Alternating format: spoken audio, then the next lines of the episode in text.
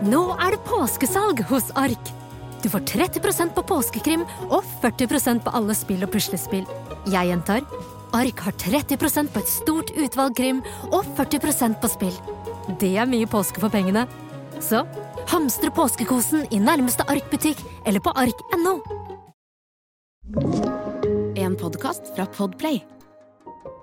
Og raset gikk i den retningen bilen for. Så når vi så i speilet på bilen, så var det ingen vei bak bilen. Jeg tenkte jeg hva verden her må nå være dommedag. 29.4.1978 går århundrets største kvikklærerras i Rissa i Trøndelag. Vi har to gravemaskiner her. ja. ene skulle grave, og andre skulle plandere ut massene etter hvert. da. Gravearbeid på en gård helt nede med innsjøen Botn fører først til et lite ras. Senere utvikler det seg til et stort ras som tar med seg ei rekke småbruk og hus. Raset forårsaka også ei flodbølge på den andre sida av innsjøen. Planen var jo en eh, festlig dag, da. Vi skulle eh, i kirken og gifte oss. Rissa-raset har ført til omfattende kartlegging av kviklere i hele Norge, og vi vet nå at 100 000 nordmenn bor i kviklereområder, og så mange som 2,8 millioner bor i områder der det kan være kviklere. Jeg heter Miriam Alsvik og er fra Rissa, og jeg har snakka med noen av dem som opplevde den store raskatastrofen som ramma bygda 20 år før jeg sjøl ble født. Nå skal vi tilbake til 1978 og til ei vårhelg.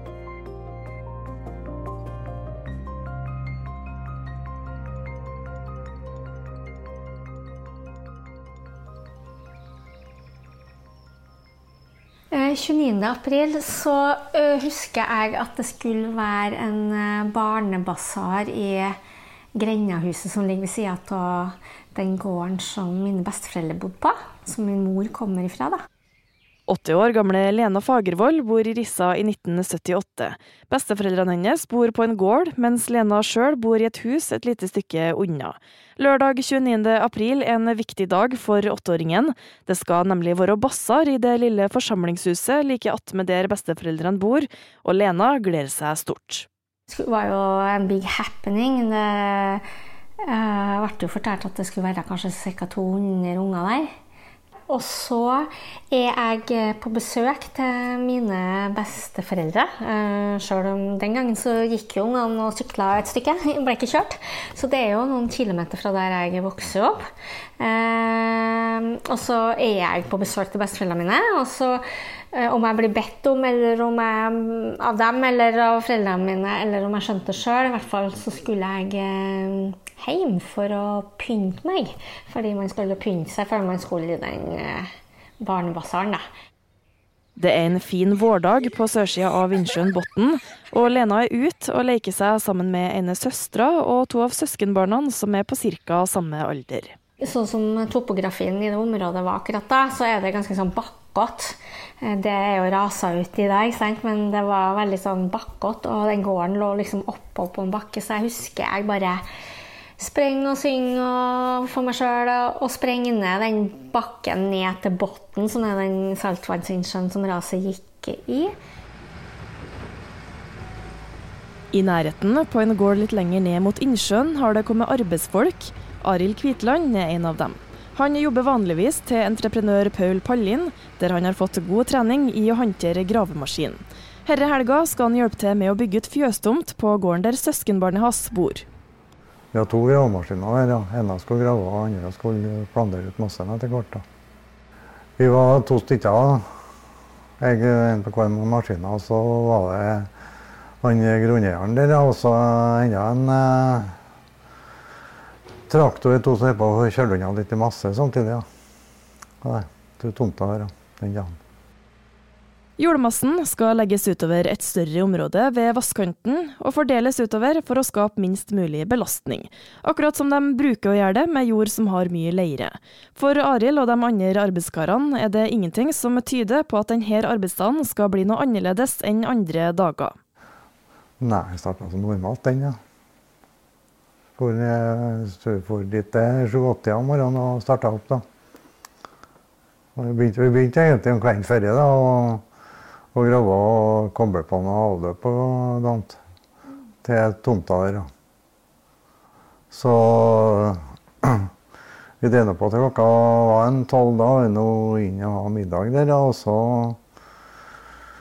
starta jeg starte opp etterpå og ta det siste, da. Oi.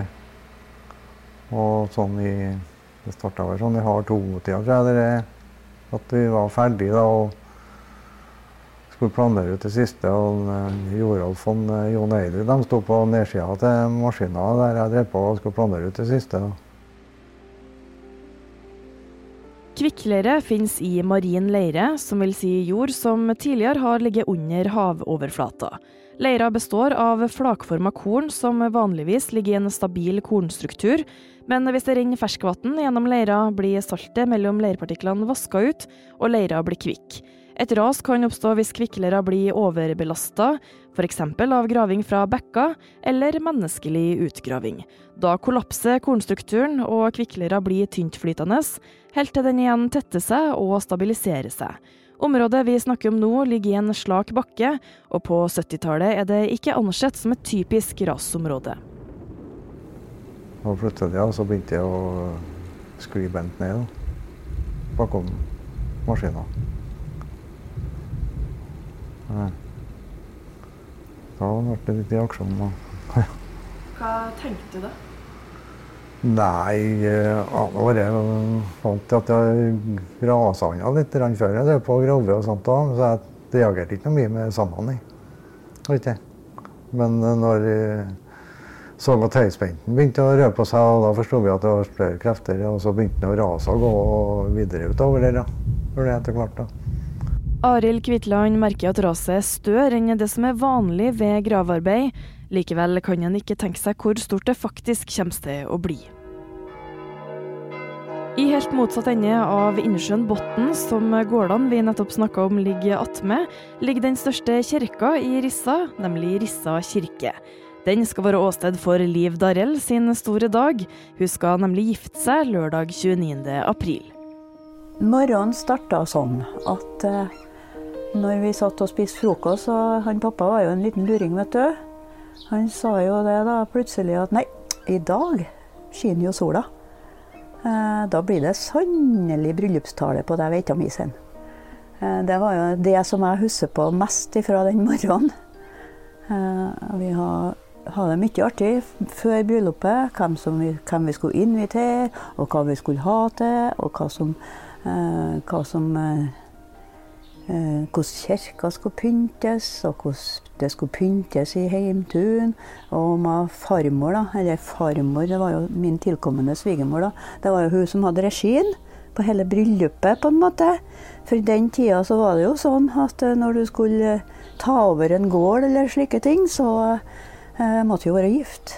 Eh, det var jo en tradisjon. Eh, og det var vi litt innpå den tanken da. Eller hun mente jo det at det var rett av oss å gifte oss, da. det var jo sånn. Planen var jo en eh, festlig dag, da.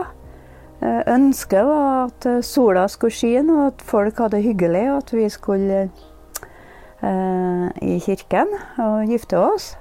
Det var fint og pynta i kirka. Det hadde jo min eh, svigermor ordnet med. Eh, og vi kom jo med forloverne til kirka, og der sto vi og venta på presten. Presten er i ei anna kirke før bryllupet, i Rein kirke, ikke langt unna gårdene vi nettopp snakka om. Der holder presten begravelse før han skal videre. Mens gravfølget er på tur ut av kirka, stopper plutselig orgelmusikken. Strømmen har gått. Først tenker gravfølget at organisten sikkert har det travelt, ettersom det skal være bryllup.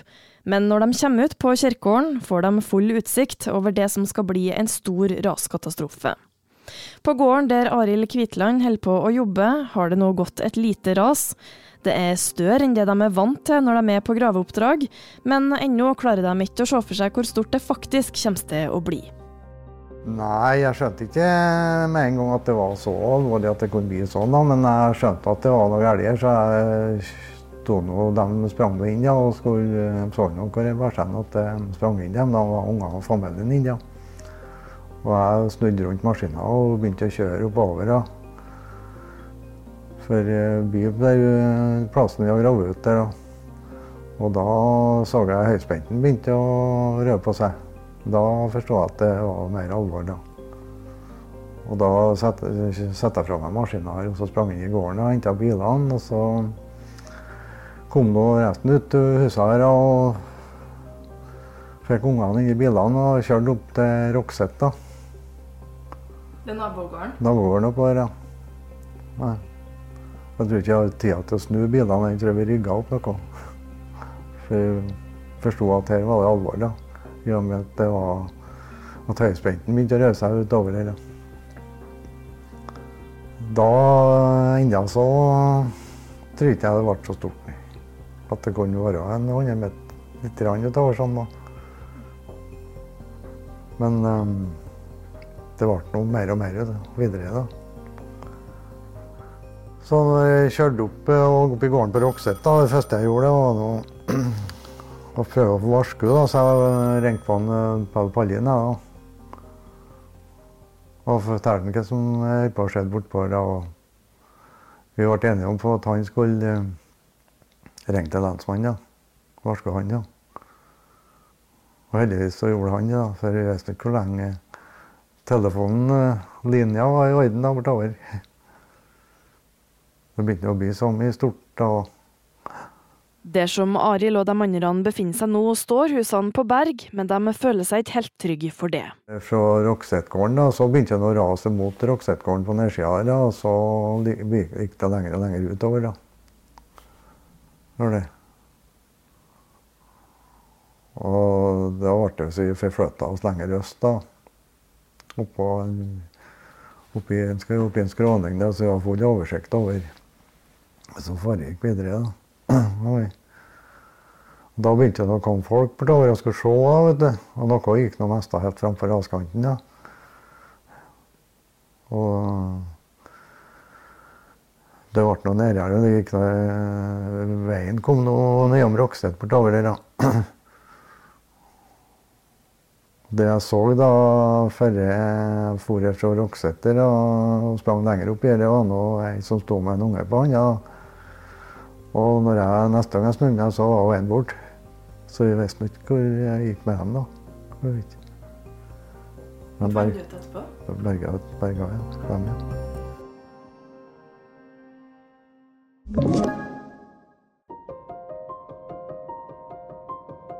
Åtte år gamle Lena Fagervold skal hjem for å skifte klær før hun skal på basar. Hun tripper av gårde, men kommer ikke langt før hun får seg en overraskelse. Vannet i den saltvannsinnsjøen reiste seg. Altså, jeg så først at det rasa, men jeg hadde ikke noe forhold til ordet ras. Sant? For noe som åtteåring eh, ingen, Verken i forhold til det eller tsunami. Eh, så at jeg bare tenkte at å, de må sprenge. For jeg ser liksom at det detter ut et stykke land ja, eh, ut i den innsjøen, og så kommer det en sånn tsunami mot meg. En sånn vegg på kanskje sånn ti meter vann. Eh, og jeg hadde ikke noe Jeg skjønte jo ikke hva det her betyr, men jeg skjønte at jeg må bare komme meg fortest mulig unna. Så jeg bare springer det jeg har, og springer hjem til foreldrene mine. eh, Og jeg er ganske så oppilda når jeg da kommer inn på eh, på tunet, eh, eller kommer inn til mamma og pappa, da, og så sier jeg at herlighet, de driver og sprenger. Eh, liksom, og vannet kom imot meg. Og, så sier jo foreldrene mine at det der syntes de var litt rart, fordi de drev og pussa opp badet, og strømmen gikk. Elsa og Harald Fagervold er fullt opptatt med sitt, og skjønner ingenting når døtrene kommer springende hjem. Vi holdt på å pusse opp bad. Og så gikk eh, strømmen. Rett før ungene kom hjem. Og da skjønte vi at det måtte ha vært kanskje en, et stort ras, da. Så mm, de skulle jo hjem og pynte seg. De skulle på basar i den eh, gamle. Og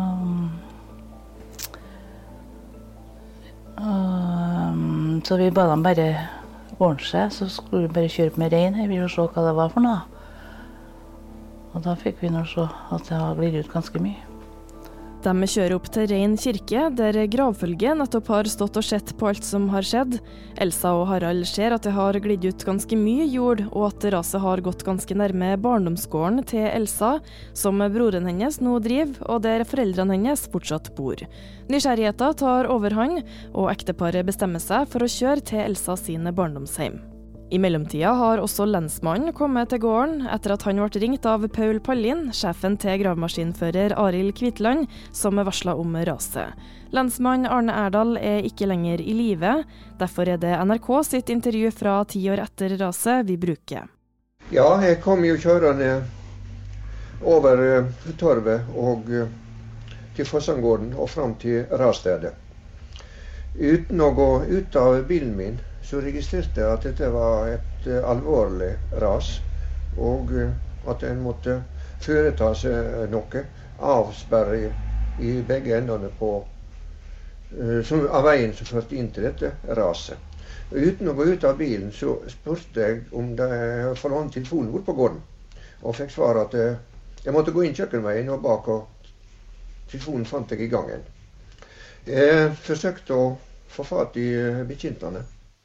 Da vi kom til gården, da, så var det fullt av sånn hvitt skum eh, rett nede med der sjøkanten. Og det, det lura far min på hva verden var det der. Det hadde han aldri sett før. Men det var jo leira som rant ut, og det skjønte ikke vi da. Da har revna òg. Ja. Så det var undersjøisk ras i tillegg, da. Alvoret har ikke helt gått opp for Elsa og Harald ennå, men Elsa begynner å merke en liten bekymring. Det var jo sånne vulkaner, som, det var sånn vulkanutbrudd. Det så sånn leisbrudd rett opp i lufta, og så var det sånn tordenlyder. Eh, og så jeg ble, ble veldig redd når jeg merket mellom nabogården Det var litt sånn skogvokst. Og når jeg så den begynte å gli ned mot sjøen, da da ble det... Ja, men det var ingen som forsto hvor stort det kom til å bli, nei. Nei, men jeg, da, ville jeg, da ville jeg bare kjøre bort, jeg, da. Det var nok uh, hun og de damene der som redda oss da, på et vis, for at de masa jo for at jeg skulle kjøre. Jeg nok ville ha stått der ennå hvis ikke jeg For jeg ville se det. Men uh, det var jo smart å stikke av, da. Det de ikke vet, er at det de har sett til nå, bare er initialrase, og at det som venter, er mye større. De tar med seg slektningene på gården i bilen og kjører. I første omgang kjører de ikke så veldig langt, bare til den nedlagte skolen, som nå er samfunnshus, og som ligger rett ved barndomsgården til Elsa. Da kjørte vi dit. Parkerte bilen på nedsida av veien i april. Det er jo en risikosport, du kan jo spørre deg ned når du kjører på Ekra i april. Og stoppa bilen og gikk ut av bilen og gikk i retning av raskanten for å se. Vi trodde aldri at det ble noe stort, som sagt. Og da, mens vi gikk dit, da, så forsvant skolen rett foran oss. Han datt rett ned. Og da var det å begynne å hanke til folk og få dem inn i bilen igjen, da. Og en rar reaksjon var da at mora hennes hun sprang faktisk i retning av raset i stedet for i retning av bilen. Altså en ren sånn uh, forvilla et eller annet. Kanskje hun skulle uh, hjelpe både kallen og sønnen som ja. ennå var igjen der. da. Det kan godt hende at det lå noe i bunnen, men det var jo selvmord, det. hvis det har gjort det. Så fikk de tak i hiv i bilen og kjørte. Og kom oss opp på veien. Og kjørte. Også for lensmann Arne Erdal går det opp at det er på tide å komme seg unna. Mens jeg sto der og, og ringte, så kom en ungdom i døra og ropte at vi måtte komme ut. Først ble jeg litt irritert, og hadde stilt seg for å snakke med ferdig. Men hans oppførsel gjorde at jeg måtte reagere og se hva som skjedde. Og jeg kom i døra da, så at all gård og grunn fra foran eller framom våningshuset sakk i dypet med dunder og brak. Og jeg så søyler og leirer og tatte seg høyt i himmels. Både ungdommen og jeg sprang, og vi kom oss i bilen og kjørte ut av raset. Eh, det var veldig hektisk akkurat da. Vi flytta jo i panikk. Eh, jeg kan huske jeg så tre stolper som sto langsom langs med veien. Og begynte å komme i bevegelse, at de ville legge seg over, over veien. Jeg sa jeg skulle komme forbi den første, og akse den andre, men den tredje visste jeg ikke. Det Vi, vi flykta jo rett og slett i panikk da. En eh, brun Datsun. Datsun eh, 180 B. Og da kjørte vi jo det bilen kunne gå. Og, og raset gikk i den retningen bilen for. Så når vi så i speilet på bilen, så var det ingen vei bak bilen. Så anslått fire-fem sekunder muligens forsprang. Det rare var jo det at eh, når vi da skulle hive huet i bilen, og mora hennes og svigerinna og dattera hennes i bilen og kjørte, så var det tre veier å velge i. Og jeg valgte den lengsten. Og det viste seg i ettertid at det var bare den som jeg kunne velge. For den vara lengst. Lensmannen var også på vei ut av rasområdet da, på samme veien. Og han kjørte forbi meg. Stopp, han stoppa og tok på en dame, var det. Ja. Og så kjørte jeg forbi han. Og så kom vi oss ut sånn, da. Så kjører vi til ut i Atmen Pettertjøen. Ja, vi kom nesten her. til riksveien. da. Der, og da regna vi i hvert fall at det var stopp. Da stoppa han Erdal, og så sa han du må prøve å finne en fast grunn. sånn. Og vi kjørte vel egentlig opp på, opp på toppen på Ja, vi gjorde det. for det er jo fjell. Eh, og jeg kan huske ennå at jeg hadde fått bilen opp i andre gir, men jeg våga ikke engang å ta tid til å skifte, skifte gir, så da måtte det eh, bære eller breste. Bakom det var jo bare, bare leire og, og, og gjørme. Var du redd? Det var jeg nok, ja. Hva jeg følte da, det kan ikke jeg registrere i dag, men eh, klart jeg var redd, ja. Intetanende på den andre sida av innsjøen, ca. 8 km unna, står et nervøst brudepar utafor Rissa kirke.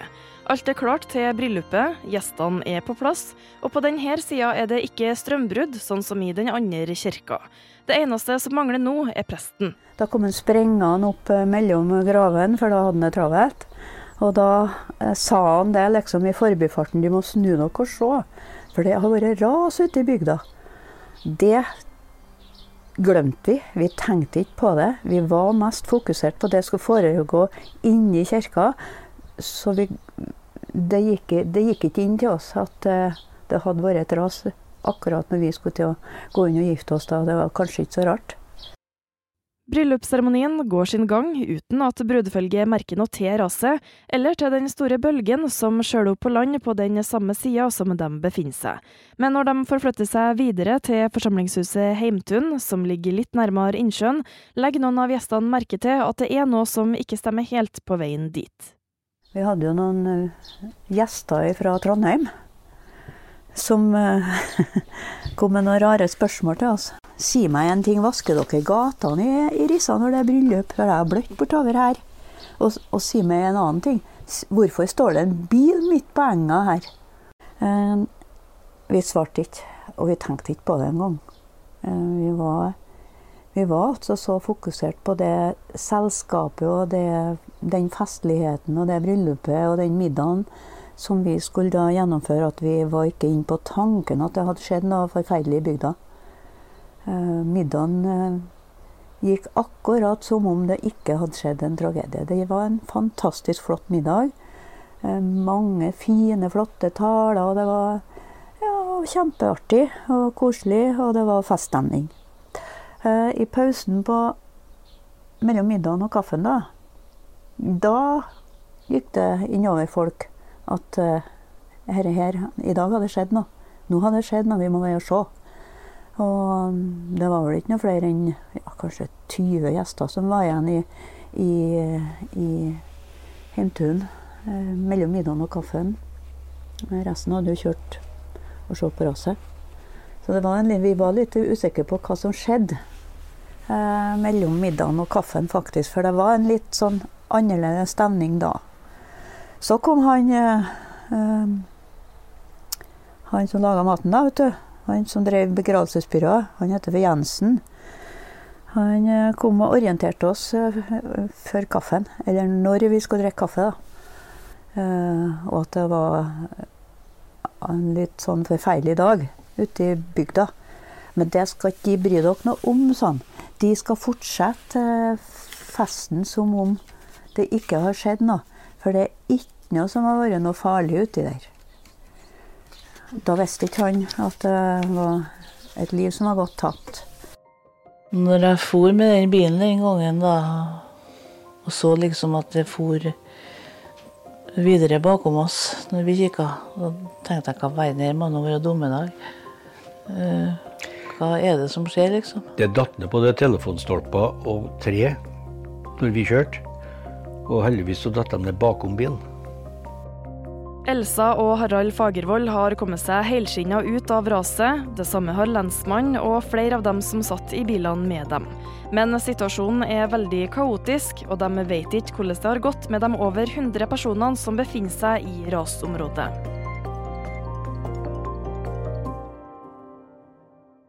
Du har hørt en podkast fra Podplay. En enklere måte å høre podkast på. Last ned appen Podplay, eller se podplay.no.